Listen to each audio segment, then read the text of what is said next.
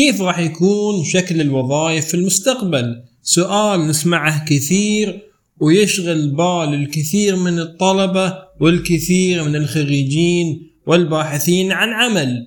هناك الكثير من التغيرات التي تحصل في سوق العمل والكثير من التطورات التي راح تؤثر جزما على الكثير من الوظائف. أذكر منها اختراع روبوت في الصين يعمل كبديل للطبيب البشري يشخص المريض ويتعامل معاه ومهيئ ومجهز بقاعدة بيانات كبيرة تستطيع انها تحلل المرض وتقدم التوصيف والتشخيص المناسب لهذه الأمراض. حتى أن هذا الروبوت قد حصل على شهادة مزاولة مهنة الطب البشري.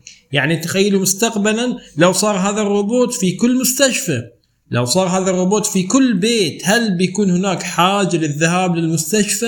هل بيكون هناك حاجة للطبيب العام؟ ولا بيكون الموضوع محصور فقط حق الطبيب اللي عنده شهادة تخصصية وعنده قدرة على إجراء العمليات فهذا أمر وتطور قادم متى سيأتي؟ الله أعلم. هل سيكون الموضوع بشكل كبير؟ هل راح يأثر على وظائف كل الأطباء؟ يصعب الجزم للأمانة بهذه الجزئية لكن سيؤثر في موضوع طبيعة عمل الطبيب وعدد الأطباء الذي سيتم توظيفهم مستقبلا.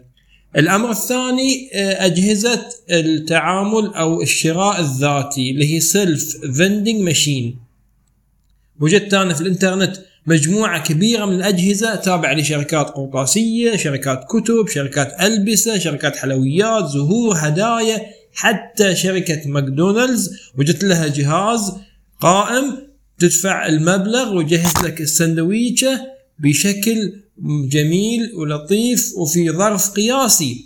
فمثل هذه الأجهزة راح تؤثر جزما على انتشار المحلات وعلى العاملين فيها. فهي أمور جالسه تؤثر وتحصل في العالم وينبغي علينا أن نتابع هذه التطورات وأن نهيئ الشباب للمستقبل وللوظائف التي ستظهر لأن التقنية تأتي لا لهدم الوظائف أو إلغاء الوظائف التقنية تأتي بفرص جديدة بوظائف جديدة. فالإنسان ينبغي عليه أن يكون واعيا بهذه الفرص مستعدا للأخذ بها وعنده المرونة. الكافية أن ينتقل من عمل إلى عمل أو أن يتعلم المهارات التي ستعينه على العمل في هذا المستقبل بإذنه تعالى.